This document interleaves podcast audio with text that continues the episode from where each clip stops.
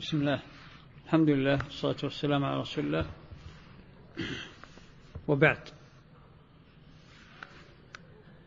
بعون الله وتوفيقه نبدأ في استكمال الدرس الأخير في مجمل أصول السنة والجماعة وهو في موضوع أهم خصائص أهل السنة والجماعة وسماتهم الآن نقرأ ولتفضل من دكتور نايف تفضل بسم الله الرحمن الرحيم الحمد لله رب العالمين وصلى الله وسلم وبارك على نبينا محمد وعلى آله وصحبه أجمعين. اللهم لك الحمد كله ولك الشكر كله وأنت رب العالمين. قال مؤلفه حفظه الله تعالى ورعاه أهم خصائص أهل السنة والجماعة وسماتهم. أهل السنة والجماعة هم الفرقة الناجية والطائفة المنصورة وهم على تفاوتهم فيما بينهم لهم خصائص وسمات تميزهم عن غيرهم. منها نعم لحظة. أه قبل أن نبدأ بالخصائص أحب ننبه على أمور. أولا حينما نتحدث عن خصائص أهل السنة والجماعة وسماتهم فلا يعني ذلك أن هذه الخصائص لا توجد في غيرهم مطلقا. وهذا أمر مهم. قد يشاركهم كثير من الخلق. وكثير من الفرق في بعض هذه الخصائص. لكن هذه الخصائص والسمات لا توجد كاملة وافية على منهاج النبوة إلا عند أهل السنة والجماعة في منهجهم وجملتهم. الأمر الآخر أن هذه الخصائص لا تؤخذ من أفراد أهل السنة والجماعة إنما العبرة بالمنهج والقدوة فيهم. العبرة بالمنهج وأهل القدوة فيهم. فحينما نقول أن أهل السنة والجماعة مثلا هم أهل العدل والإحسان لا يعني أن غيرهم ليس عندهم عدل ولا إحسان على الإطلاق. بل قد يوجد في بعض الفرق والجماعات لكن على النحو الكامل الوافي الذي يلتزم منهاج النبوة لا يوجد العدل بصفاته وشرائطه على نحن وافي ملتزم للمنهج السليم إلا عند أهل السنة والجماعة. وهكذا. الأمر الآخر فيما يتعلق بهذه الخصائص هذه أخذت من عدة اعتبارات. أولا لأن إذا أخذنا القياس أو المقياس بمنهاج النبوة ومنهاج الصحابة والتابعين وسلف الصالح طبقناه على فرق الأمة بأسلوب شرعي موضوعي متجرد فإنا لا نجد من تستوفى عنده هذه الخصائص إلا أهل السنة والجماعة. حينما يوصفون بهذه الأوصاف أيضا هم لا يصفون أنفسهم. إنما هذه نتيجة أي وصفهم بهذه الخصائص القيمة هي نتيجة لاستمساكهم بالسنة ولزومهم منهاج النبوة وسبيل المؤمنين. فهنا صدر الكلام بأنهم هم الفرقة الناجية. هم لم يصفوا أنفسهم بذلك. لكن عندما النبي صلى الله عليه وسلم أشار إلى الفرقة الناجية في عدة حديث منها حديث الافتراق. وتفترق هذه الأمة على 73 فرقة كلها هالكة إلا واحدة. هل واحدة ناجية من الهلاك؟ ثم لما سئل النبي صلى الله عليه وسلم في بعض الأحاديث من هم قال من كان على ما أنا عليه وأصحابي. فإذا نظرنا إلى مناهج الفرق جميعا. وجدنا المنهاج الذي يلتزم ما كان عليه النبي صلى الله عليه وسلم وأصحابه هو منهج أهل السنة وإن شاركهم غيرهم في بعض الأمور. لكن لا يكون منهاج نقي على منهاج النبوة على ما كان عليه النبي صلى الله عليه وسلم وأصحابه تتوافر فيه الصفات الكاملة إلا منهج أهل السنة والجماعة. وكذلك يؤخذ هذا من آه، حديث النبي صلى الله عليه وسلم لا تزال طائفة من أمتي على الحق ظاهرين. لا يضرهم من خذلهم ولا من عادهم إلى أن تقوم الساعة ومن هنا أخذنا كونهم الناجي وكونهم الطائفة المنصورة وفي بعض الألفاظ لا تزال طائفة من الحق منصورون ومنصورة. أيضا هذا بموجب الحديث لو أخذنا على مدار التاريخ تطبيق التاريخي والموضوعي والمنهجي والشرعي من هي الفرقة المنصورة؟ النصر الذي يكون فيه عز للإسلام والمسلمين نجد أنه يتوافر في أهل السنة والجماعة وفي دعوات السنة والجماعة على مدى التاريخ. آه، كذلك لو نظرنا إلى يعني في عصرنا هذا على سبيل المثال لأنه قد يقال هذه فترات تاريخية مثلا أضاءت فيها يعني مناهج أهل السنة والجماعة على البشرية من خلال يعني مناهج دعوية فردية وجماعية كما حدث على مدى التاريخ في القرن الثالث والسابع والقرن الثاني عشر دعوة الإمام محمد عبد الوهاب وغيرها ويتخللها أيضا دعوات سنية سلفية يعني أضاءت ما حولها. هذه يعني الومضات التاريخية قد يقال إنها هذا تاريخ. لكن الآن نقول الآن ونحن في عصر يسمى عصر البحث العلمي كما يزعمون عصر التجرد عصر مع تجرد من الحق لا تجرد للحق عند الأغلبية. آه، عصر الموضوعية والبحث العلمي نقول هاتوا. على أعلى المناهج دقة. وأدق المقاييس في العصر الحاضر وعطونا استبانة. في ما نتفق عليه على موضوع الكتاب والسنة استبانة. نذكر فيها فقرات وبنود منهاج النبوة. في العقيدة والأعمال والأحكام والسمت وإلى آخره من جميع جوانب الدين وثوابته. فلنأخذ استبانة مثلا من مئة فقرة على سبيل المثال مئة فقرة. نستبين فيها من من هو أقرب إلى الحق؟ أي فرقة من فرق الأمة اليوم أقرب إلى الحق بموجب استقراء منهاج النبي صلى الله عليه وسلم في الكتاب والسنة؟ فلننظر من هي الفرقة التي تكون من هي الجماعة التي تكون أقرب إلى الحق حتى في عصرنا هذا. سنجد حتما إذا أخذنا الموضوع بتجرد للحق وأخذناه بموضوعية وأخذناه على منهج علمي مستقيم بمقاييس علمية صحيحة دقيقة. حتما سنجد أهل السنة والجماعة هم الذين سيفوزون بأنهم الفرقة التي على منهاج النبي صلى الله عليه وسلم. وليجرب أحدكم يعني المقاييس العامة اللي يتفق عليها جميع المسلمين جميع المسلمين. يعني مثلا مصادر التلقي ما هي؟ كيف نستدل الكتاب والسنة؟ آه، آه، نأخذ وصايا التي وردت في القرآن الوصايا الكبرى التي اتفق عليها جميع الفرق. نأخذ وصايا النبي صلى الله عليه وسلم على سبيل المثال في حجة الوداع التي تضمنت وصايا يعني ثوابت الدين الكبرى في العقيدة والأحكام والمواقف. فلنأخذها بنود جرب ثم طبقها بتجرد لا يكون عندك تحيز.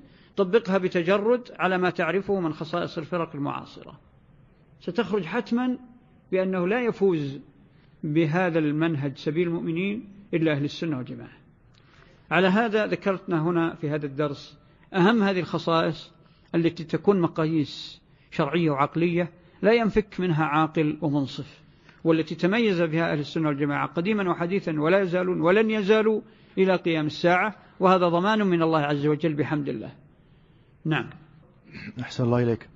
منها الاهتمام بكتاب الله حفظا وتلاوة وتفسيرا والاهتمام بالحديث معرفة وفهما وتمييزا لصحيحه من سقيمه لأنهما مصدر التلقي مع إتباع العلم بالعمل. نعم. الاهتمام كل يدعي الاهتمام لكن نأخذ الاهتمام بالكتاب والسنة على الموازين الشرعية على ما ورد عن النبي صلى الله عليه وسلم من الحث على كتاب الله عز وجل والاهتمام به تدبرا وت... فلنأخذ هذا كأمر متفق عليه. يعني الاهتمام بكتاب الله قاعدة متفق عليها. لكن من الذي عني بها حفظا على الوجه الشرعي الصحيح المتكامل؟ أهل السنة والجماعة.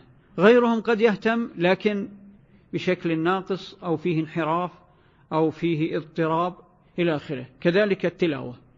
من هم الذين عنوا, عنوا بالقرآن حتى استقرت مناهجه مناهج التلاوة والقراءات وأساليبها ووسائلها ونقلها بالتواتر. من هم؟ هم أهل السنة والجماعة. ارجعوا إلى القراء اللي هم مدارس اتفقت عليها الأمة إلى اليوم.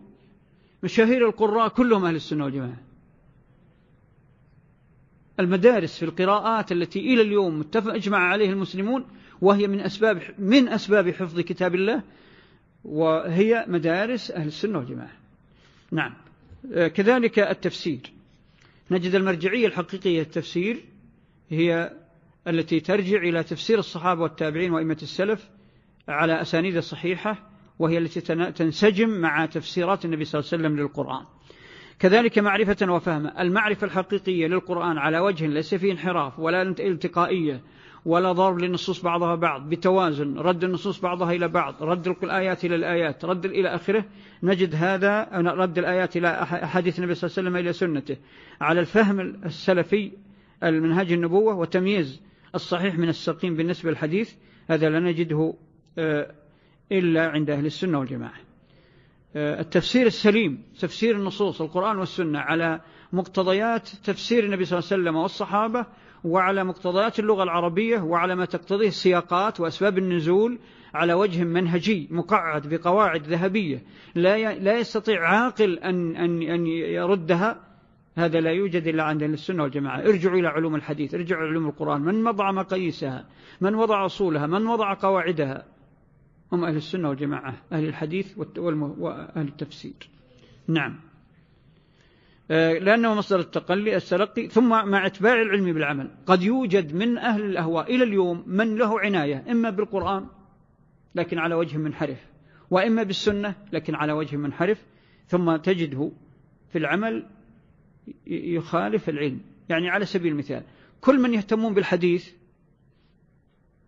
من جميع الفرق ما عدا المجوس الفرس هذول لا عناية لهم بالحديث لأنهم يرون الصحابة ارتدوا. هذا مذهب المجوس ما, ما, ما نتكلم فيه. لأنه دين آخر. دين آخر يتلبس بالإسلام. لكن الفرق الأخرى. الفرق الإسلامية التي تنتمي للإسلام وتعتبر من فرق المسلمين. لو ننظر نظرة متجردة بأسلوب علمي صحيح نجد أن الذين أتبعوا العلم بالعمل على وجه يستقيم مع تفسير النصوص في التطبيقات ومع سنة النبي صلى الله عليه وسلم نجدهم أهل السنة والجماعة. ولنأخذ مثال. مثلا أهل البدع يشاركوننا بالاهتمام مثلا آه، كالصوفية وكثير من من أهل الكلام وغيرهم يشاركوننا في آه، يعني مصدرية كتب السنة وعلى رأسها البخاري ومسلم. لكن ننظر إلى تطبيقاتهم للعمل. مثلا من أشهر الأحاديث وآخر ما حدث به النبي صلى الله عليه وسلم وأوصى به أمته في آخر حياته النهي عن اتخاذ القبور مساجد النهي عن وضع المقابر القبور في المساجد أو البناء على القبور وتدسيسها وإسراجها إلى آخره وألا ترفع وإلى آخره. يعني كل ما يتعلق بالبدع المقابر وهي أعظم البدع فتنة على المسلمين في العصر الحاضر نجد الذين اختلف علمهم عن عملهم عملهم عن علمهم هم أهل البدع. فهم يقرؤون أحاديث النبي صلى الله عليه وسلم الصريحة الصحيحة في النهي عن البدع ويرتكبونها. يقرؤونها ويقرؤونها في مجالسهم وبعضهم يحفظ مثل البخاري ومسلم بما في هذه الأحاديث ويعرف أنها أحاديث ليست منسوخة لأن منها ما كان في بعيد قبيل وفاة النبي صلى الله عليه وسلم ومع ذلك يرتكبون عمدا أنواعا من البدع جاءت الأحاديث الكثيرة تصل إلى المئات في النهي عنها. والسلف هم وحدهم أهل السنة والجماعة الذين التزموا هذه الوصايا من النبي صلى الله عليه وسلم. هذا نموذج لمن أتبع العلم بالعمل. وعلى هذا نقيس؟ الدعاوى ليست هي التي يعني تبرئ الناس وتصحح المناهج. الذي يصحح المناهج هو التطبيق العملي للمنهج الذي يدعيه كل صاحب دعوة. نعم بعدها ثانية. الله إليك. الدخول في الدين كله والإيمان بالكتاب كله. فيؤمنون بنصوص الوعد ونصوص الوعيد وبنصوص الإثبات للصفات ونصوص التنزيه. ويجمعون بين الإيمان بقدر الله وإثبات إرادة العبد ومشيئته وفعله كما يجمعون بين العلم والعبادة وبين القوة والرحمة وبين العمل بالأسباب والزهد. هذه نماذج. يعني ناخذ المبدأ الأول في أول القاعدة الدين الدخول في الدين كله. هذه قاعدة يتفق عليها جميع المسلمين. كل يقول ينبغي أن ندخل في الدين كله. لكن عند التطبيقات من الذي التزم الدين كله قدر ما يستطيع؟ لا نجد هذا الميزان موافي إلا عند أهل السنة والجماعة. ولذلك كان من يعني منهجهم في الأخذ بالدين كله هو الوسطية والاعتدال. لئلا يأخذون بجزء من الدين ويتركون جزء. لئلا يأخذون بجانب ويتركون بجانب فمن مقتضى الأخذ بالدين كله أن ترد النصوص بعضها إلى بعض في الجوانب في الجوانب المنهجية. يعني فعلى سبيل المثال كما هو مثل هنا الإيمان بالكتاب كله يعني الكتاب القرآن والسنة. هذا معنى الكتاب كله. فيؤمنون يعني أهل السنة والجماعة بنصوص الوعد وبنص الوعيد. هذا لا يوجد على شكل كامل كما هو عند أهل السنة والجماعة. الفرق كلها أخلت إخلالا جزئيا أو كليا فبعضهم أخذ بنصوص الوعيد ولم يهتم بنصوص الوعد والرحمة والرجاء وهؤلاء الخوارج وبعض فئات المعتزلة بل والمعتزلة. الخوارج والمعتزلة. وبعضهم أخذ بنصوص الوعد ولم يبالي بنصوص الوعيد وهؤلاء هم المرجئة سواء الغلاة أو مرجئة الفقهاء وهم يتفاوتون. ثم لنأخذ مثلا في الإثبات للأمور الغيبية. أولها ما يتعلق بالله عز وجل الإثبات والنفي. أولا ما يتعلق بالله عز وجل في ذاته وأسمائه وصفاته. الذين يجمعون بين إثبات الصفات التي وردت ونفي النقائص في وقت واحد ونفي التشبيه التمثيل بها بطريقة متوازنة هم فقط أهل السنة والجماعة. جميع الفرق إما أنها مالت إلى المبالغة في الإثبات فجسمت كفرق الرافضية الأولى أو أنها مالت إلى التأويل والتعطيل كأهل الكلام من الجهمية والمعتزلة ومتكلمة الأشاعرة والماتريدية. فقد مالوا إلى التأويل والتحريف. لا تجد من توازن بالأخذ بين نصوص, نصوص إثبات ما أثبته الله لنفسه وما أثبته له رسوله صلى الله عليه وسلم وبين نفي ما نفاه الله عن نفسه وما نفاه عنه رسوله صلى الله عليه وسلم على قاعدة تجمعه آية وهي قوله عز وجل ليس كمثله شيء وهو السميع البصير. لا نجد من يأخذ بهذه القاعدة في هذه الآية في تفصيلات ما ثبت في أسماء الله وصفاته وما ينفى عنه من النقائص أو في الغيبيات الأخرى كذلك. لكن نظرا لأن أعلى مقامات الدين ما يتعلق بالله كان المثل هنا بالصفات.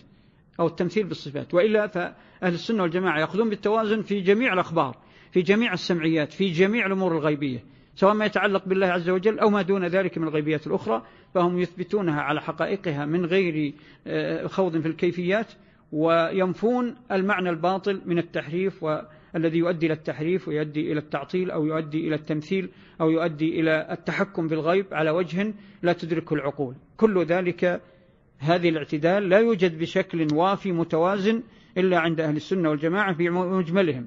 وأقول في مجملهم لأنه قد يخطئ أو يزل عالم من أهل السنة والجماعة. نحن لا نقول أن أهل السنة معصومون لكن الكلام على منهجهم وقدوتهم. المنهج والقدوة على هذا الأصل. والقدوة هم عموم العلماء وليس أفراد العلماء لأنه لا عصمة لأحد بعد النبي صلى الله عليه وسلم على الإطلاق. ولذلك سبحان الله من مقتضيات حفظ الدين ودلائله يعني بأنه لا قدوة إلا النبي صلى الله عليه وسلم أنه ما من عالم إلا وتكون منه زلة. فمن هنا لا يكون أفراد العلماء هم الذين يعني يحكم به بهم على المنهج بل المنهج هو الذي يحكم به على الجميع. فعلى هذا أيضا نجد أن أهل السنة والجماعة هم الذين يجمعون بين الإيمان بقدر الله وإثبات إرادة العبد يعني آه، فيما يتعلق بالقدر. ويجمعون بين العلم والعبادة يعني لا ينقطعون يعلمون يتعلمون العلم بلا تطبيق كما نقول في عصرنا. ولا يأخذون أيضا جانب العبادة بلا علم فيقعون في البدع. وبين القوة والرحمة القوة في مقامها والرحمة في مقامها. إذا اقتضى الأمر الحزم والقوة فأهل السنة يأخذون بالحزم والقوة. إذا كانوا يملكون ذلك في في فترات قوتهم. وإذا كان الأمر يقتضي الرحمة والعطف أخذوا بجانب الرحمة والعطف. وهذه القوة بغير عنف والرحمة بغير ضعف. ثم بين العمل بالأسباب والزهد. هذه نماذج للوسطية والاعتدال. لا توجد على في منهج على وجه كامل على وجه وافي إلا عند السنة والجماعة. وكما قلت التطبيقات موجودة من خلال ممارسات أهل السنة والجماعة وكتبهم ومناهجهم وتطبيقاتهم في الحياة قديما وحديثا وأي عاقل منصف إذا نظر وجد هذا حقيقة. نعم. أحسن الله إليك. الاتباع وترك الابتداع والاجتماع ونبذ الفرقة والاختلاف في الدين. نعم. هذه واضحة لكن ينبغي أن نفهم المقصود بالاتباع هنا. اتباع النبي صلى الله عليه وسلم وسلف الأمة. يعني التزام سبيل المؤمنين. فالاتباع هنا اتباع السنة. وترك الابتداع بمعنى تجنب جميع أنواع البدع. هذا منهج. وإن وقع بعض العلماء في بدع قولية اعتقادية أو فعلية فهذا لا ينبغي أن يكون خارق للقاعدة. لا سيما في العصور المتأخرة يعني فيما بعد القرن الرابع بعد القرن الثالث الهجري وجد ممن ينتسبون للسنة والجماعة من تعلق ببعض البدع أو عنده مشتبهات من الأقوال تكون ذريعة لأهل البدع. وهذا وجد عند مثلا الحنابلة وغالبا هم أهل السنة والجماعة. لكن ليس كل الحنابلة في كتب الفقه وما ورثوه لنا وما أنسب عنهم ليس كلهم استقاموا على السنة استقامة يعني الاعتدال الذي كان في القرون الثلاثة الفاضل. يوجد من علماء ينتسبون للسنة من, من تورط في بعض بدع التبرك بعض بدع التوسل بعض يعني التقعيد الخاطئ مثل أن بعضهم جار بدعة تقسيم البدعة إلى بدعة حسنة وبدعة سيئة. فهذه حقيقة مجارات من قبل بعض من ينتسبون للسنة وليسوا من الأئمة الكبار بحمد الله. هذه زلات علماء. فإذا الاتباع ليس لأفراد العلماء كما قلت للمنهج الذي عليه عمومهم وأئمتهم الكبار آه، وترك الابتداع. والاجتماع يعني على ما سبق ذكره في الدرس الماضي ونبذ الفرقة والاختلاف في الدين آه، مطلقا. هذا هو المنهج وعلى هذا يكون الاتباع عندنا. والاهتداء والاقتداء هو بسنة النبي صلى الله عليه وسلم التي يمثلها النبيون أو النبي صلى الله عليه وسلم وعلماء الذين هم ورثة الأنبياء أو ورثة النبي صلى الله عليه وسلم. نعم. أحسن الله إليك. الاقتداء والاهتداء بأئمة الهدى العدول المقتدى بهم في العلم والعمل والدعوة الصحابة ومن سار على نهجهم ومجانبة من خالف سبيلهم. نعم الاقتداء والاهتداء فرع عن الاتباع. هو تطبيق تطبيق الاتباع يكون بالاقتداء يعني اتخاذ النبي صلى الله عليه وسلم والصحابة وإمة الهدى أعلام الأمة أعلام السلف اتخاذهم قدوة والاهتداء بمنهجهم لأنهم هم أئمة الهدى العدول المقتدى بهم في العلم والعمل والدعوة. وهذا يشمل الأموات والأحياء. نسميها الآن في وقتنا هذا المرجعية. طبعا لا بأس لا شح في الاصطلاح لكن يعني ينبغي أن نعيد الناس إلى ثوابت الدين بمصطلحاته.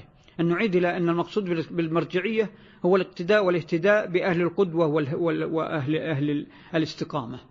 وكما نقتدي ونهتدي بأمتنا الأموات كذلك نقتدي ونهتدي ونرجع لا سيما في قضايانا المعاصرة في النوازل التي تحتاجها الأمة اليوم. لابد أن نرجع إلى الأحياء الذين يستنبطون الأحكام يستنبطون العلاج لأحكام المعاصرة من أدلتها. وهذا معنى قول الله عز وجل خاصة في مثل الأحداث التي نعيشها وإذا جاءهم أمر من الأمن أو الخوف أذاعوا به ولو ردوه إلى الرسول وإلى أولي الأمر منهم لعلمه الذين يستنبطونه منهم. هذا هذه القاعدة اليوم أحوج ما نكون إليها لأنها تطبيق عملي منهجي دقيق للاقتداء والاهتداء والمرجعية في العلم والعمل والدعوة إلى الله ولذلك يجب أن ننبه آه، يعني الدعاة بخاصة وبعض المنتمين للجماعات وغيرها أنه يعني إخلالهم بالمرجعية هو خروج عن عن السنة والجماعة.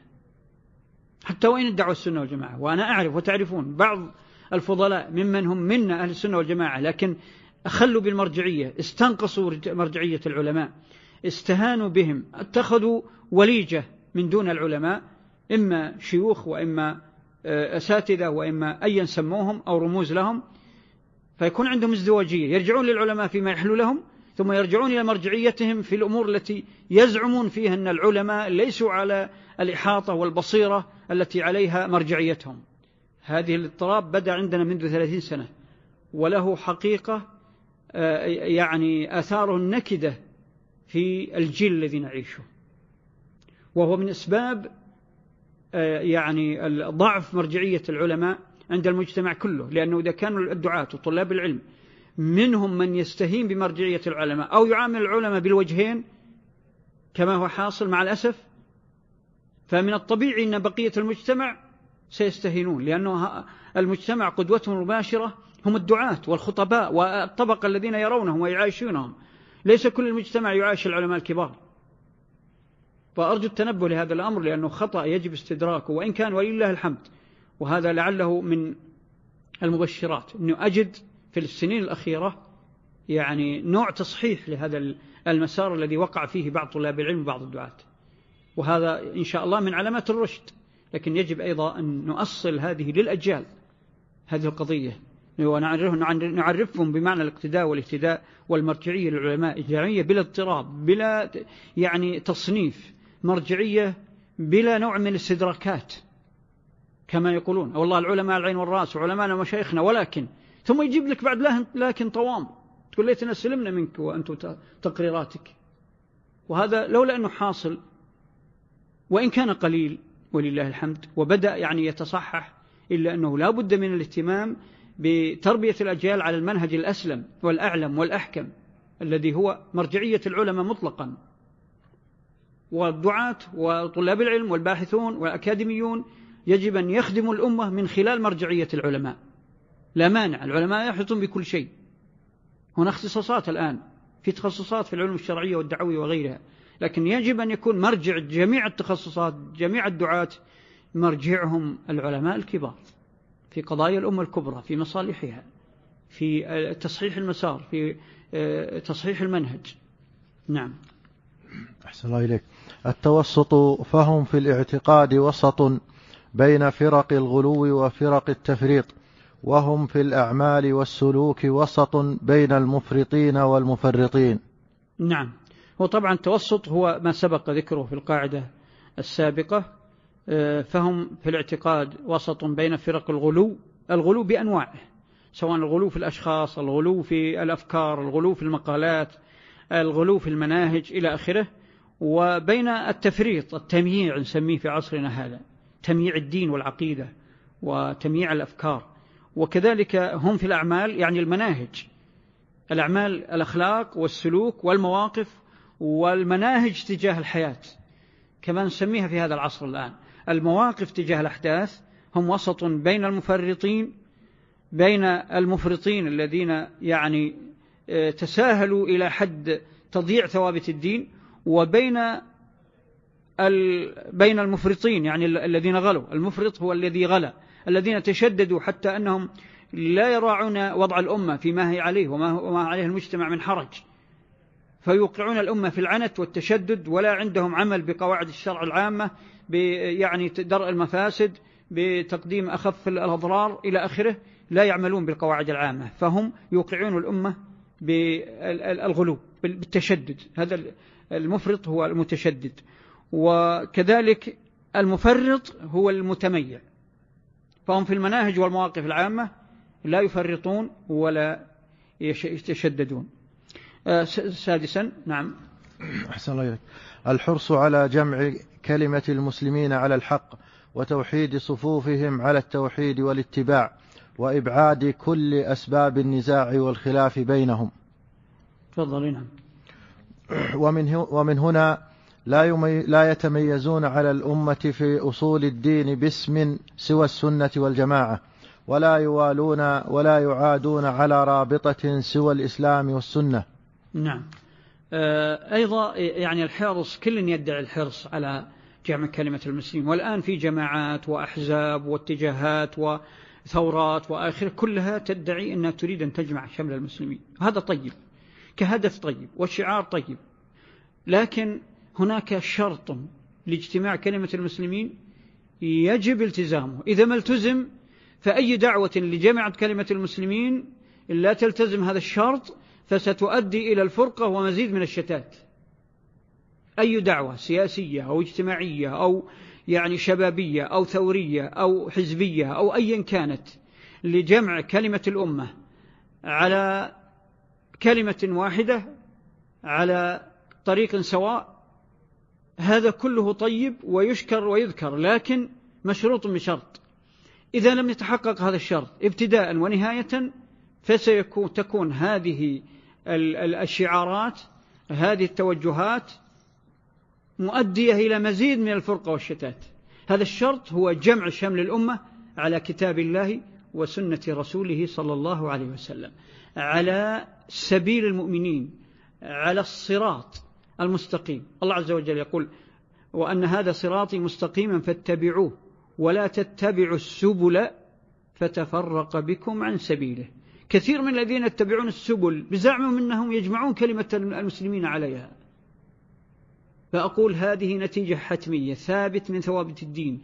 أثبتها القرآن والسنة وتجارب التاريخ مجمع عليها أنه أي شعار في الأمة الإسلامية لا أتكلم عن الأمم الكافرة. الأمة الكافرة إذا أخذت بأسباب الدنيا تزدهر عندها الدنيا وليس لهم في الآخرة من نصيب. قد يجتمع شملهم على دستور أو على نظام أو على منهج ما داموا ليس عندهم هدف ديني ولا شرعي. أما الأمة فعزها مشروط لأن هذه الأمة جعل الله عزها بدينها. ومن مقتضيات جمع شمل الأمة أن يكون جمع شملها على الكتاب والسنة على منهاج النبوة على سبيل السنة والجماعة. ما لم تجتمع الأمة على منهاج السنة والجماعة فإن أي شعار يريد أن يجمعها ستؤدي النهاية به إلى مزيد من الفرقة. فإذا كانت الأمة مئة فرقة فسيزيد مئة واحد. إذا كانت ألف سيزيد واحد إلى آخره. أي شعار. هذه حقيقة. يجب أن يفهم الناس لها ويبرر بالنصوص الشرعية. تبرر بالنصوص الشرعية تؤكد لأن هذه حقائق أثبتتها النصوص وهي قطعيات وأثبتها التاريخ. أعود وأقول بعض الناس يقيس على اجتماع الأمم الضالة على مناهج ديمقراطية وعلمانية وأيا كانت شعاراتها ليبرالية أيا كانت. نقول نعم هذا يتعلق بالأمم التي ليس لها رسالة فتجتمع في أمور دنياها وليس لها في الآخرة من خلاق. لكن هذه الأمة لن يكون لها عز في دينها ودنياها حتى في دنياها. ولو ضحكت الدنيا بعض الوقت فإنها تضحك ثم تقسم أهلها في هذه البلاد الإسلامية. لو ضحكت وازدهر الاقتصاد وضحك لمن كما هو في هذا الوقت في الدول الخليج وغيرها ما لم يلتزم منهاج الله منهاج النبوة في جمع شمل البلاد على السنة والجماعة فستكون الدنيا في النهاية قاصمة قاصمة لأهلها وسبب للفرقة والتنازع والتشتت والتقاتل. وهذه حقيقة يعيشها المسلمون. فهل يتبصرون؟ نرجو الدعاة أن يبصروا الناس. نعم.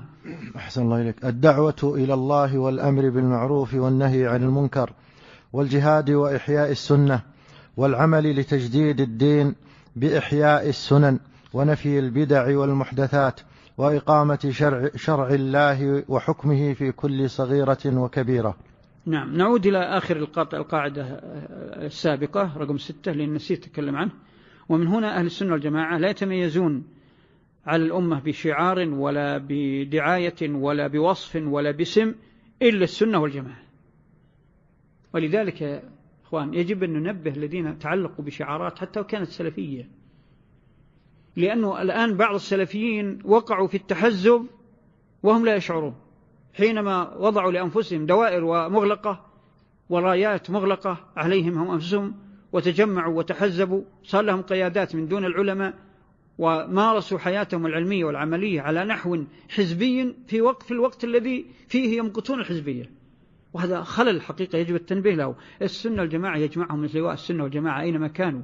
مرجعيتهم علماءهم أينما كانوا. وكل بلد بقدر ما عنده من أهل العلم يكون مرجعيتهم بحسبهم ويرجعون إلى العلماء الكبار في أي بلد من بلاد الدنيا.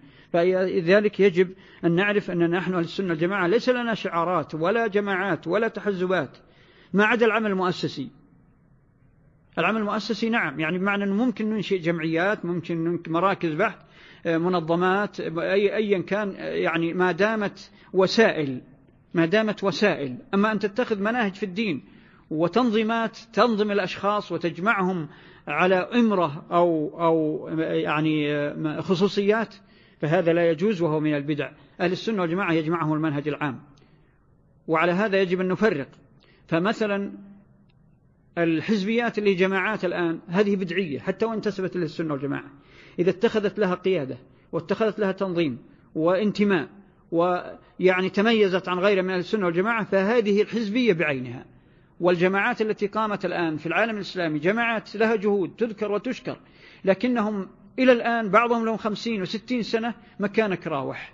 والسبب أنهم ما عرفوا الداء الذي وقعوا فيه ما عرفوا العلاج الذي يجب يلجؤون إليه وهو أنهم يجب أن يجتمعوا ويجمعوا شمل الأمة على الكتاب والسنة على منهاج أهل السنة والجماعة. فكيف وبعضهم الآن يحتقر أهل السنة والجماعة؟ ونجده مع أهل البدع ضد أهل السنة والجماعة. فإذا سيبقون مكان كراوح لا يعني أنهم ما ينفعون لكن لن يحققوا الغاية التي أمر الله بها. الغاية التي ينشدونها الغاية التي ينشدها المسلمون لن تتحقق إلا تحت لواء السنة والجماعة. ولو أن هذه الجماعات خرجت من خصوصياتها والتفت على مرجعية العلماء ونظمت أمورها ولا مانع أن تضع لنفسها مؤسسات تنظم جهودها وأمورها وأحوالها العلمية والفكرية. هذا طيب ومطلوب. العمل المؤسسي الآن مطلب للأمة لكن لا يكون تحزب في المناهج ولا تحزب في الدين. فعلى هذا أهل السنة والجماعة لا يرون سوى السنة والجماعة ولا ينتمون ويقولون من انتسب لغير السنة والجماعة أو لغير الإسلام والسنة فليلتحق بأي دين شاء. وعلى هذا لا يوادون ولا يعادون على رابطة سوى الإسلام السنة. علاقاتنا نوعين. في علاقة عامة بعموم المسلمين بما فيهم أهل البدع. هذه في المصالح الكبرى دفع المفاسد العظمى النصح الإشفاق الدعوة إلى الله يعني إبداء المشورة العدل تحقيق التعايش. هذا مع الجميع. حتى مع أب أب أبعد الفرق عن الإسلام ما دامت مسلمة.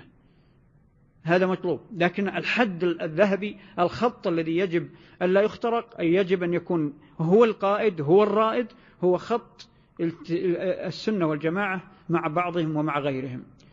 أه، طبعا في مثال أنا كثيرا ما يعني كان يشكل عندي ثم أخيرا بعد البحث ووجدت أنه أه، يعني أه، بإذن الله يكون هذا المثال نموذج لما يعني نفصل نفصل فيه بين العمل المؤسسي وبين العمل الحزبي. العمل المؤسسي اللي يخدم السنة والجماعة هو بين التحزب. من هذا المثال هو جماعة موجودة الآن في أكثر ما تكون في مصر والسودان وهي أنصار السنة. كان يعترض علينا يقول أنتم الآن تقولون مثلا تنتقدون أن يكون هناك جماعة اسمها الأخوان تتميز عن غيرها بمنهج أو جماعة اسمها التبليغ تتميز عن غيرها بمنهج يقول نعم هذا خطأ. لا ينبغي لا يكون عندنا شيء اسمه الإخوان ولا التبليغ. إلا لو كان عمل مؤسسي أما أن يكون كيان له تنظيم وانتماءات هذا لا يجوز شرعا وهذا نقول إنه بدعة. ثم يقولون أنتم الآن تعتبرون أنصار السنة مثال للسنة والجماعة في البلاد اللي توجد نقول نعم السنة والجماعة على ما فيهم عندهم بعض الأخطاء والتجاوزات لكن في جملتهم هم الحقيقة يعتبرون من أهل السنة والجماعة. وأنا عايشت كثير منهم وزرتهم في بلادهم ومراكزهم وأدعي أني عرفت الكثير وأيضا في إنتاجهم الإعلامي أتابع بعض المتابعة لمجلاتهم ومصدراتهم بقدر أنا لا أدعي أني مطلع على كل شيء فوجدت أنه هالجماعة فعلا آه، رغم أنها عندها عمل مؤسسي إلا أنها لا يمكن توصم بأنها حزبية لماذا؟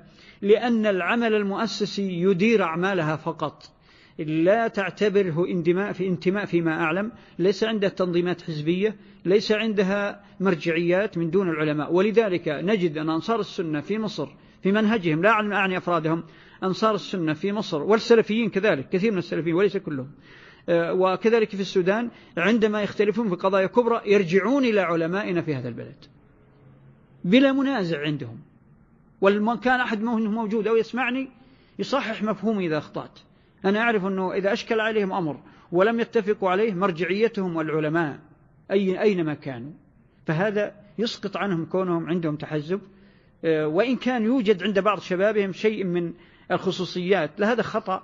لا يحمل إياه المنهج إنما المنهج فيما علمت منهج سليم. إنما هم سموا أنفسهم أنصار السنة والجماعة تحت عمل إداري مؤسسي. ينظم أمورهم وشوراهم وليس انتماء عقديا دينيا. فعلى هذا نخرج من معضلة أنه يوجد من أهل السنة والجماعة المعترف بهم من يكون عنده تحزب. والله أعلم. ومع ذلك أرجو إن كان أحد عنده تصور عما قلته يصحح المفهوم فأنا مستعد بأن أسمع أو يعني إذا كان بيكتب لي أحد في هذا الموضوع يبصر جزاه الله خير. نعم القاعدة السابعة. أحسن الله إليك. أنصار السنة المحمدية تقصد؟ هذا الكلام عليهم؟ أي أنصار السنة المحمدية. ولذلك قلت أنا أشهرهم في مصر والسودان. ولا قد توجد دعاوى أنصار السنة في أكثر من مكان. كما توجد دعاوى السلفية مع الأسف. صار السلفية كثير. أو الذين يدعون السلفية كثير. لكن بعضهم مع الأسف السلفية منهم براء. خاصة الذين ينزعون إلى العنف والتقتيل وتفجير المساجد والكنائس. السلفية تبرأ إلى الله من هذه الأعمال مهما كان مبررها. ولذلك في الحقيقة هذه الجماعات الصغيرة أو أهل الغلو الذين ينتمون للسنة والجماعة حتى وإن كانوا أصلا من أبناء السنة والجماعة ثم وقعوا في الغلو الحقيقة التي يجب أن نفهمها أنا أقول في العموم أنهم منهم من يدار من قبل استخبارات عالمية وهم لا يشعرون. وأكثر ما يدفعهم إلى التفجيرات في الكنائس والمساجد ونحوها أو قتل الأبرياء أكثر ما يخطط لهم ويدفعهم استخبارات أجنبية. وسيكشف لكم التاريخ هذه الحقائق. وبعض الأمور بدأت تنكشف الآن. دعوة إلى الله. الدعوة إلى الله معروف. إلى الله على منهجها الصحيح. الأمر المعروف أن المنكر لله الحمد لا يزال هو شعار للسنة في كل مكان. لكنهم يقون أو يضعفون بحسب ظروفهم التي يعيشون فيها في حسب بلادهم. لكن عندنا هنا في هذا البلد بلد السنة والجماعة ولله الحمد الأمر المعروف أن المنكر شعار للمجتمع والدولة. وهذه من أسباب حفظ بإذن الله أنها أسباب من أسباب حفظ أمن هذه البلاد. وجود هذه الشعيرة بحد ذاتها على ما فيها من تقصير وضعف إلا أن وجودها وكونها ضمن نظام الدولة وترعاها الدولة وكونها أيضا يعني المجتمع في الجملة يرضاها وإن كان قد لا يعني يعتب بعض الناس على ممارسات رجال الهيئة وهذا جهلا منهم لأنهم يظنون رجال الهيئة بيدللونهم ولا ينصحونهم ولا يعترضون رغباتهم إذا خالفت الحق. هكذا الناس لا يريدون من يعني حتى بعض المتدينين لا يريد من يصدم قناعاته أو يقف دون قناعاته وهواه لكن في الجملة أقول حتى المجتمع ولله الحمد مغتبط ومرتاح لوجود هذا المبدأ فضلا عن طلاب العلم والعلماء لا شك أنهم يسندون وهم على يعني مقدمة الآمرين بالمعروف والنهي عن المنكر. فوجود هذا المبدأ من عند من أصول السنة والجماعة. في بعض البلاد التي أه-، أهل السنة فيها ضعف فيهم ضعف أنا أظنهم يأمرون وينهون بقدر ما يستطيعون. يعني وجود الأمر المعروف أن المنكر في كل البلاد لكن اللي فيها, فيها أهل السنة لكنهم قد يكون بعضهم عنده شيء من الضعف والذل ويجعله لا يصرح أو يستطيع أن يظهر الأمر المعروف من المنكر بشكل بارز إنما الأمر المعروف من المنكر هو قاسم مشترك بين أهل السنة والجماعة في كل مكان بحسب قوتهم أو ضعفهم. وكذلك الجهاد. الجهاد قائم إلى قيام الساعة لكن أهل السنة والجماعة يلتزمون الجهاد بشروطه. لأنه خاصة عند الفتن ومثل الأحداث الكبرى التي نعيشها اليوم تختلط نزعات الجهاد بنزعات الغلو يختلط الجهاد بالتهور يختلط الجهاد بالتوجهات التوجهات الشبابية التي أحيانا تنزع إلى العنف فتستعمل العنف باسم الجهاد. يختلط الجهاد بالشعارات القومية والحزبية والعصبية. أما مبدأ الجهاد فهو أصل عند أهل السنة والجماعة ويجب أن يقوم إذا توافرت شروطه في أي مكان يعني يقتضي الحال قيام الجهاد فيه.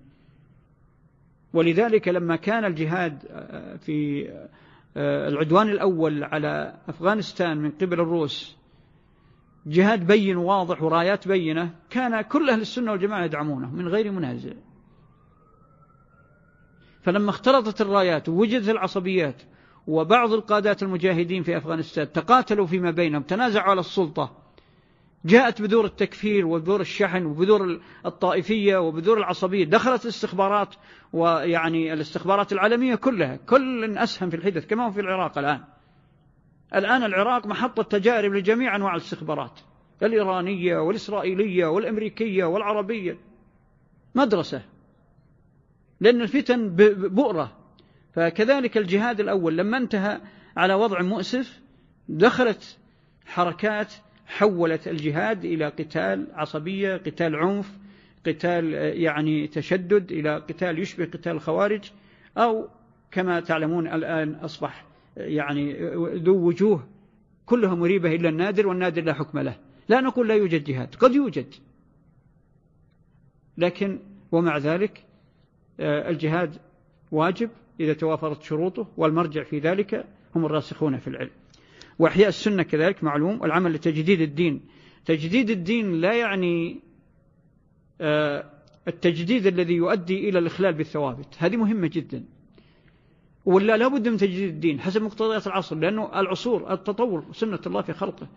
لا بد أن يعايش أهل السنة والجماعة التطور في أساليبهم وفي وسائلهم وفي دعوتهم إلى الله في عرض مشاكل الأمة وعلاجها. لا بد من التطور. لكن يحيون من درس من معالم الدين أو ما ضعف عند المسلمين على منهاج النبوة من غير إخلال بالثوابت. فالعمل بالتجديد لا يعني التبديل. التجديد يعني العمل بثوابت الدين على منهاج يتناسب مع العصر أو على وسائل تناسب مع العصر وهذا الذي عليه أهل السنة والجماعة بإحياء السنن ونفي البدع وإقامة شرع الله وحكمه في كل صغيرة وكبيرة. نعم تفضل. أحسن الله إليك. الإنصاف والعدل فهم يراعون حق الله تعالى لا حق النفس أو الطائفة. ولهذا لا يغلون في موال ولا يجورون على معادي ولا, يغمط ولا يغمطون ذا فضل فضله أيا كان. الله عز وجل أمرنا بذلك وإذا قلتم فاعدلوا. فالعدل قامت عليه السماوات والأرض والعدل هو الذي تبقى به الدول. العدل هو الذي تبقى به الدول. والعدل إذا كان منهج لأي فئة لأي فرقة فإنها تبقى بإذن الله منصورة. ولذلك لا يتحقق العدل بمعانيه الكاملة في منهج إلا عند منهج للسنة والجماعة. وتطبيقاته فعلا لو عندنا وقت نضرب لكم نماذج في يعني إقامة العدل من أئمة السنة مع خصومهم قديما وحديثا لوجدنا العجب.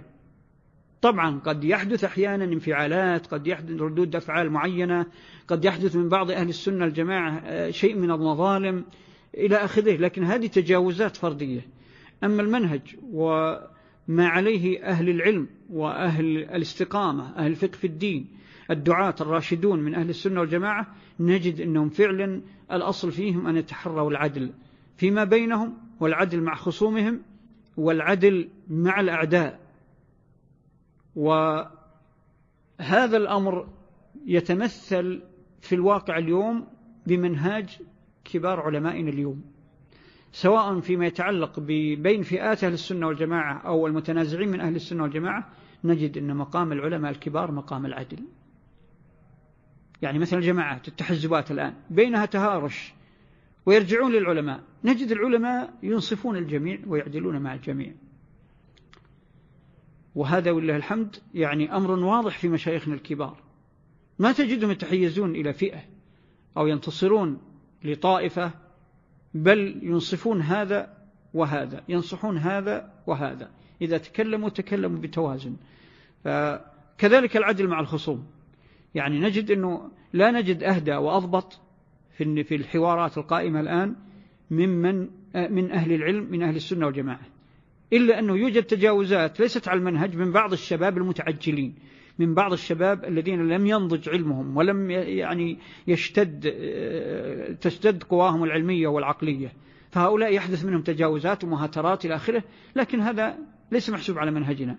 الذي يحسب المتميزون نحسب المتميزين من من يمثلون السنة والجماعة في الحوارات خاصة في الفضائيات الآن نجدهم ولله الحمد أقرب إلى العدل قد يشتط الواحد ينفعل أحيانا تحدث منه أشياء ردود أفعال ليست مقصودة هذا يعني استثناء. وإلا فالأصل لو نظرنا إلى المتحاورين من الذين الآن على الساحة في الفضائيات وفي الإنترنت وفي غيرها نجد أنه العلماء الدعاة الكبار والعلماء والدعاء والمناظرين الذين يحاورون ممن لديهم علم هم أقرب الناس إلى العدل.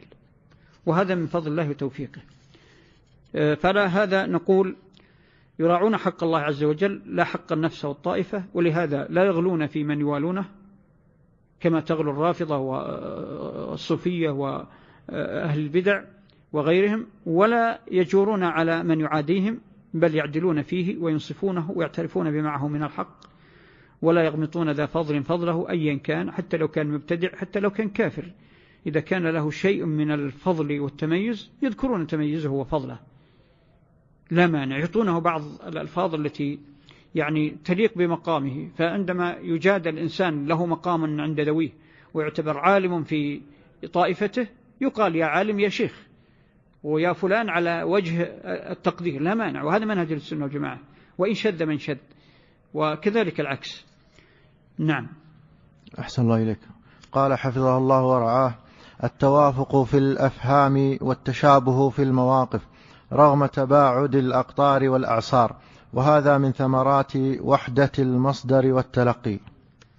نعم يعني بحمد الله رغم وجود بعض الخلافات ويعني الأمور التي تكون بين أهل السنة والجماعة مما هو طبيعة البشر إلا أنهم في الأمور الرئيسية في ثوابت العقيدة في المواقف العامة تجاه الأحداث آه، آه، آه، يعني وفي مسائل التي تثار الفكرية وغيرها.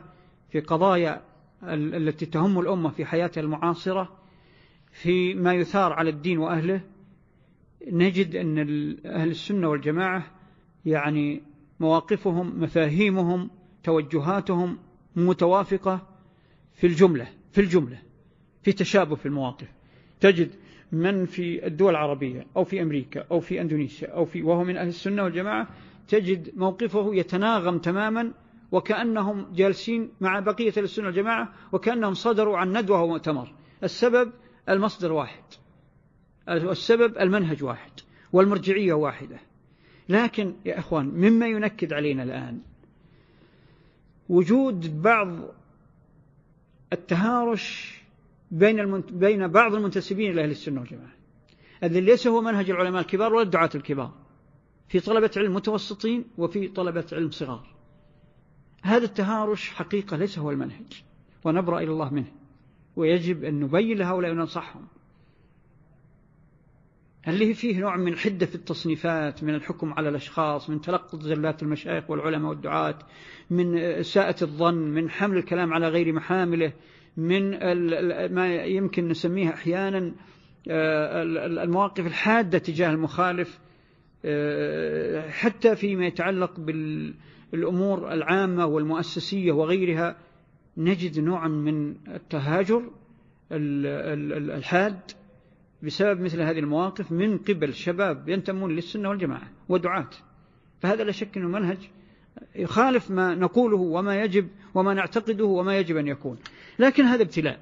يجب أن نصبر عليه ونعالجه بهدوء ورفق آه، في العموم.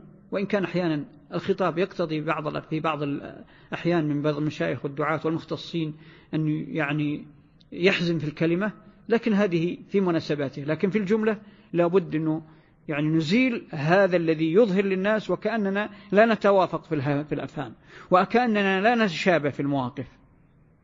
وإلا فالأصل طبعا قلت هؤلاء قلة ولله الحمد لكنهم يتخذون يعني آه، يحتج بهم علينا. الآن الذين يسبرون السنة والجماعة ويسمون الوهابية ويسمون السلفية في الحقيقة أغلب ما يؤاخذون به وينقذوننا به عالميا حتى في المواقف السياسية العالمية الآن اللي ترونها خلال وسائل الإعلام ومواقف المفكرين والمحللين تبني أحكامها على السنة والجماعة من خلال هذه التصرفات الجزئية. فيجب أن ندافع عن أنفسنا ندافع عن مبدأنا. يجي واحد تكفيري يستحل الدماء ثم يقول أنا سلفي. فيفعل ما يفعل فيقول فعلت السلفية. الآن في وسائل الإعلام أمر ظاهر. ينسبون تفجير الكنائس إلى السلفية. وإيش السلفية تفجر الكنائس هذه؟ يعني أمر فعلا يجب أن نبين بوضوح وأن نكون شجعان في هذا الأمر وإن كان قد يكون تبرؤ ممن ينتسبون لعقيدتنا لكن أعمالهم نبرأ إلى الله منها ونبرأ إلى الله في منهجهم. فرق بين العقيدة والمنهج. فمن هنا يجب أن يكون هذا الأمر بين وأن يعني يكون المنهج واضح فمثل هذه الفئات التي تسيء إلينا يجب أن يكون موقفنا منها شجاع. نتبرأ من الأعمال التي ليست من السنة والجماعة حتى لو يعني ما تعرضنا للأشخاص لكن المنهج يجب أن يكون واضح. طبعا سيقول قائل أن هؤلاء لن يرضيهم شيء. الله عز وجل يقول ولن ترضى عنك اليهود ولا النصارى حتى تتبع ملتهم. هذا صحيح. أنهم لن يرضوا حتى يعني لو استطاعوا لا يعني هدموا بيت الأمة على على عليها ولا استباحوا بيضتها لكن الله عز وجل تكفل بحفظ يعني بيضة الأمة. لكن أقول ومع ذلك لا ينجب أن نحول بينهم وبين اتخاذ أخطاء أناس ينتسبون لنا ذريعة علينا أو يعني وسيلة للإساءة إلى السنة والجماعة والسلفية. عالميا ومحليا. نعم. أحسن الله إليك. الإحسان والرحمة وحسن الخلق مع الناس كافة. نعم.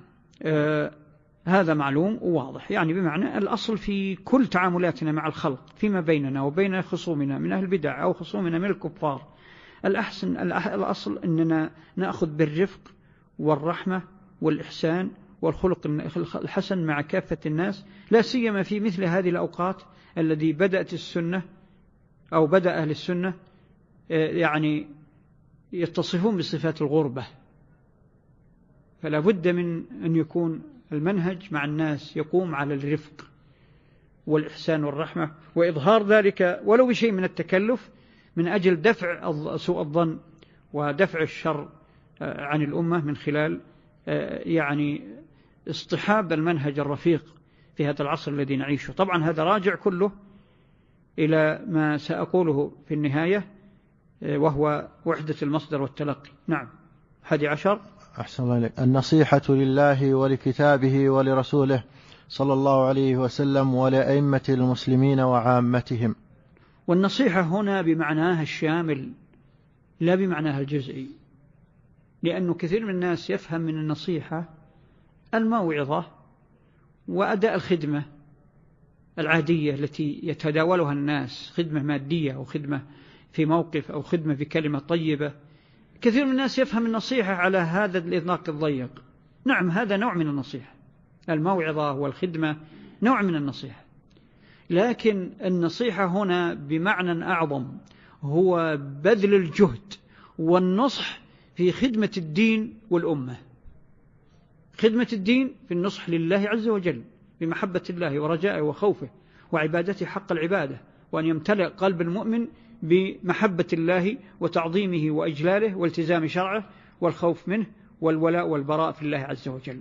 ثم كذلك النصيحة لكتاب الله بمعنى هذا القرآن يكون في القلب وعلى العين والرأس يكون منهاج للمسلم منهاج للمجتمع يكون القرآن هو المصدر هو المنبع فيما يتعلق بالحياة الخاصة والعامة والنصيحة القرآن بقراءته وتلاوته وتدبره وبإقرائه وتعليمه ونشره بتوقيره وتعظيمه بالدفاع عنه الغيرة عليه كل معاني النصح أو كل معاني الخدمة لكتاب الله الواجبة والمفروض والمندوبة كلها تدخل في النصيحة لكتاب الله. ثم النصيحة لرسوله صلى الله عليه وسلم أولا بمحبته صلى الله عليه وسلم بأن يكون أحب للمسلم من نفسه وماله وولده والناس أجمعين ثم كذلك من مقتضى محبة النبي صلى الله عليه وسلم اتباع والتزام شرعه والتزام هديه والغيرة على دينه الغيرة على سنته الغيرة على أصحابه الغيرة على زوجاته. وهذا معنى النصيحة له. بأن تكون حياتك مع النبي صلى الله عليه وسلم تطبيقا وعملا في قلبك وجوارحك في عواطفك وجميع أمورك. ثم النصيحة لأمة المسلمين وهم كل من الله الله أمر المسلمين من العلماء والحكام والولاة ومن له سلطة أو مرجعية من أهل الرأي والمشورة وإن لم يكونوا متدينين. كل من كان لرأيه وموقفه أثر في المجتمع والأمة فيجب النصح له.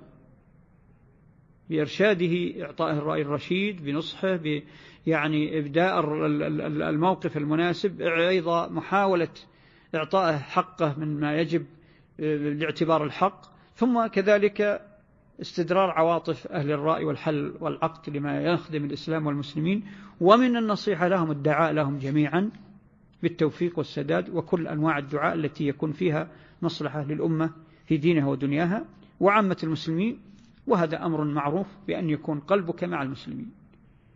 يسرك ما يسرهم ويحزنك ما يحزنهم.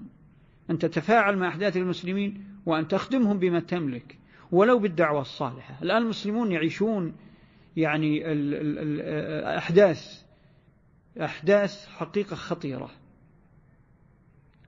كل العالم الإسلامي الآن لكنه تختلف وجوه ظهور الأحداث فيه خاصة في البلاد العربية وبعض البلاد الإسلامية. الأمة الآن بدأ فيها قرون أحداث الله أعلم بمآلاتها فنقول اللهم سلم سلم وندعو الله عز وجل بأن يحمل المسلمين جميعا من الفتن وأن يجعل عاقبة هذه الأمور حميدة وإلى خير وأن يولي على المسلمين خيارهم وأن يجعل لهم ويعقد لهم راية رشد يعز فيها أهل الطاعة ويذل فيها المعصية وأن تكون تحليلنا للأحداث على هذا الأساس. على أساس النصح والحرص على أن تؤدي هذه الأحداث إلى ما فيه مصلحة كل مجتمع فيه أحداث. لأنه أحيانا يا أخوان يعني اللي يرقب الأحداث أحيانا تسيطر عليه العاطفة. فربما تكون أمانيه ورغباته في غير ما يحقق المصلحة للإسلام والمسلمين وهو لا يشعر. وهو لا يشعر. لأن هذه فتن تدع الحليم حيران.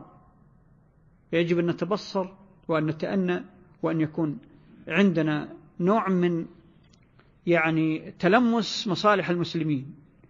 وإرشادهم بما نملك وأهم من هذا كله والذي نملكه جميعا الدعاء تخصيص بلاد المسلمين وتعميمها.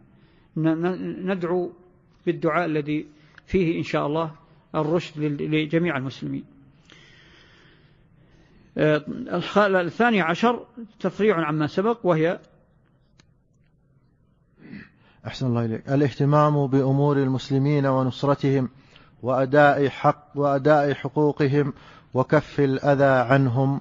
انتهى بحمد الله. نعم. هذا تفريع عن النصيحة وأرجع وأقول آه، آه، في التاسعة يعني في في ختام القاعدة التاسعة عبارة وهذا من ثمرات وحدة المصدر والتلقي. كل ما سبق في كون أهل السنة والجماعة كلهم بجملتهم ما عدا الذين يكون منهم تجاوزات أو غلو أو نحو ذلك لكن كل أهل السنة والجماعة بمرجعيتهم بمنهاجهم الذي هو منهاج سبيل المؤمنين في عمومهم كلهم مواقفهم هذه التي تعني الاعتدال والوسطية وتعني التميز بالحق وتعني اجتماع الكلمة تعني التوافق في الأفهام والتشابه آه، تعني تحقيق العدل والرحمة. كل هذه الأصول راجعة إلى شيء واحد وهو وحدة المصدر والتلقي. لأنهم يتلقون من مصدر معصوم. هم ليس لهم عصمة لكن مصدرهم معصوم. العصمة لعموم الأمة والتي تتمثل غالبا بأهل السنة والجماعة لأنهم هم الذين يجتمعون على الحق إذا اختلف غيرهم. وكل الفرق اختلفت على الأمة في بعض أصول الحق إلا أهل السنة. فلذلك يتحقق بأهل السنة الجماعة الإجماع الذي ويتحقق بهم العصمة بمنهجهم لا بأفرادهم العصمة التي ذكر النبي صلى الله عليه وسلم في قوله لا تجتمع الأمة على ضلالة. فعلى هذا أقول هذا كله ناتج عن الثوابت التي اجتمع عليه السنة والجماعة. وهذه الثوابت ناجة عن المصدر. فثوابتنا في العقيدة العلمية واحدة. أركان الإيمان وتفرع عنها. ثوابتنا في أمور الأحكام التي التي هي أركان الإسلام وما تفرع عنها ثوابتنا واحدة. ثوابتنا تجاه المناهج في الاستدلال في التلقي ثوابتنا تجاه النظرة إلى أمور الحياة ثوابتنا في المرجعية ثوابتنا في قطعيات الدين الأخرى في الدنيا والآخرة مثل الجهاد الولاء والبراء مثل الأمر المعروف أن المنكر واحدة. ثوابتنا تجاه قضايا الآخرة ما ثبت في الكتاب والسنة ومن ذلك الشفاعة والرؤية ثوابتنا واحدة. ولذلك يا إخوان يجب أن نتبه نتنبه لخطأ فادح أحيانا يقع فيه بعض الدات طلاب العلم من حيث لا يشعرون. وهو يعني إشعار الناس بأنه هناك أشياء كثيرة من أصول الدين يختلف عليها. هذا خطأ فادح. لا يوجد من ثوابت الدين وأصوله ما يختلف عليه عند أهل السنة والجماعة. على الإطلاق. وهذه قاعدة يا أخوان أكد عليها دائما لأنها قاعدة ذهبية وهي مقتضيات حفظ الدين وهي مقتضيات بقاء طائفة على الحق ظاهرين. كيف يكون على الحق وقد يوجد منهم من يظن أن هناك اختلاف على بعض الثوابت. الثوابت العلمية والاعتقادية والعملية في المناهج عند أهل السنة والجماعة منذ عهد النبي صلى الله عليه وسلم إلى يومنا هذا لا يختلف عليها. يجب أن يفهم هذا. وهذا سبب أننا نقول أن منهج السنة ضمانة أنه متفق عليه. هذا سبب يعني سبب وحدة المصدر والتلقي. فإذا كان المصدر والتلقي واحد فكذلك الثوابت واحدة. لكن وأستدرك أنه قد يكون سبب اللبس عند بعض طلاب العلم أو أحيانا بعض من قد يعني ما يتنبهون عن ذهول وغفلة فيكون عندهم اشتباه أو يشعرون الناس بأنه كل شيء في خلاف. نقول نعم بين الحق والباطل كل شيء في خلاف لكن بين أهل السنة والجماعة كل ثوابتهم ليس فيها اختلاف. أما الناس فقد اختلفوا في ربهم عز وجل. فهل يعني هذا مشروعية الاختلاف عند أهل السنة والجماعة؟ لا. أقول نستثني. أنه أحيانا هي تجعل بعض طلاب العلم يكون عندهم لبس في التعبير. أنه توجد بعض المسائل العلمية التي تلحق بالثوابت وليست منها. يعني تلحق بالثوابت من الناحية العلمية الموضوعية فقط. مثلا عندما تقول نقول أهل السنة والجماعة اتفقوا في الشفاعة المثبتة. بشروطها. كذا. أليس هذا إجماع؟ جماع بما فيها مثلا الشفاعة لأهل الكبائر. مجمع عليها. أليس كذلك؟ يجي واحد يقرأ في الشفاعة يجد خلاف مثلا في بعض مسائل الشفاعة. مثل آه، الشفاعة في أناس تساوت حسناتهم وسيئاتهم. هذه عليها اختلاف لاختلاف الدليل. الاختلاف على الدليل. مثل شفاعة الشهيد. بعض العلماء يعني قدح في حديث شفاعة الشهيد. فمن هنا ورد الاختلاف. لكن هل هذا اختلاف في أصل الشفاعة المثبتة؟ خذوا على سبيل المثال الرؤية. الرؤية الرؤية التي عليها النصوص في قواطع الكتاب والسنة متواترة. رؤية المؤمنين لربهم في الجنة بأبصارهم. نسأل الله يمتعنا جميعا بذلك. هذه الرؤية مجمع عليها. لكن وجد في اختلاف في مثلا رؤية الناس في المحشر.